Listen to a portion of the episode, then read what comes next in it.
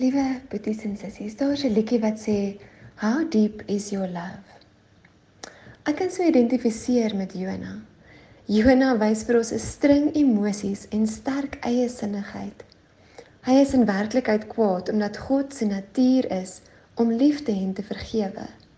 Nadat Jona al sy moed bymekaar gemaak het om vir Ninive die boodskap van verdoemende oordeel te kom gee, draai hy in berou na God en draai God sy oordeel weg van hulle as gevolg van sy aard om stadig kwaad te word, liefdevol en getrou te wees.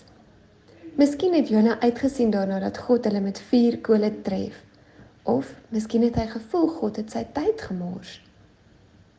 Wanneer ons uit 'n plek van desperaatheid, frustrasie of moedeloosheid wil tou opgooi of ons rou wil bekla, wil God ons herinner aan sy liefde, sy getrouheid en sy genade.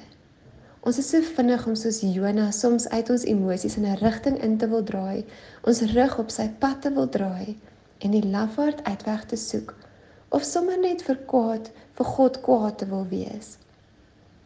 Vanoggend herinner God my weer aan die verskillende geloofshelde waarvan ons lees in Hebreërs 11. Baie van daardie helde soos Abraham of Josef het vir God vertrou in geloof ten spyte van geen bewyse sigbaar nie. Sekerlik moes hy ook frustrasie beleef het, maar hy kon dit tot op die einde glo.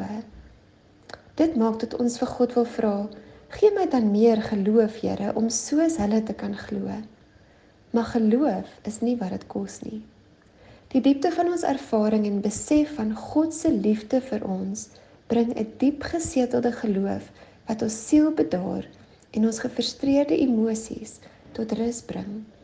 God het ons lief en daarom sal hy sy beloftes aan ons waarmaak. Die toets van ons geloof gaan nie oor of ons sal tou opgooi nie. Dit gaan eerder daaroor om ons begrip van sy liefde te verdiep in die sekerheid dat hy as Vader vir ons lief is en daarom sy woord sal nakom. Geliefde, as jy vanoggend moeg geglo is of gefrustreerd gewag is vir die uitkoms van sy belofte aan jou, kom soos Jonah en onthou wie God is. Onthou wat sy natuur is. God is 'n genadige God, 'n God van medelee. God is liefdevol en getrou.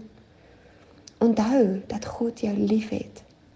Ek bid dit vir jou in die naam van Jesus Christus. Amen.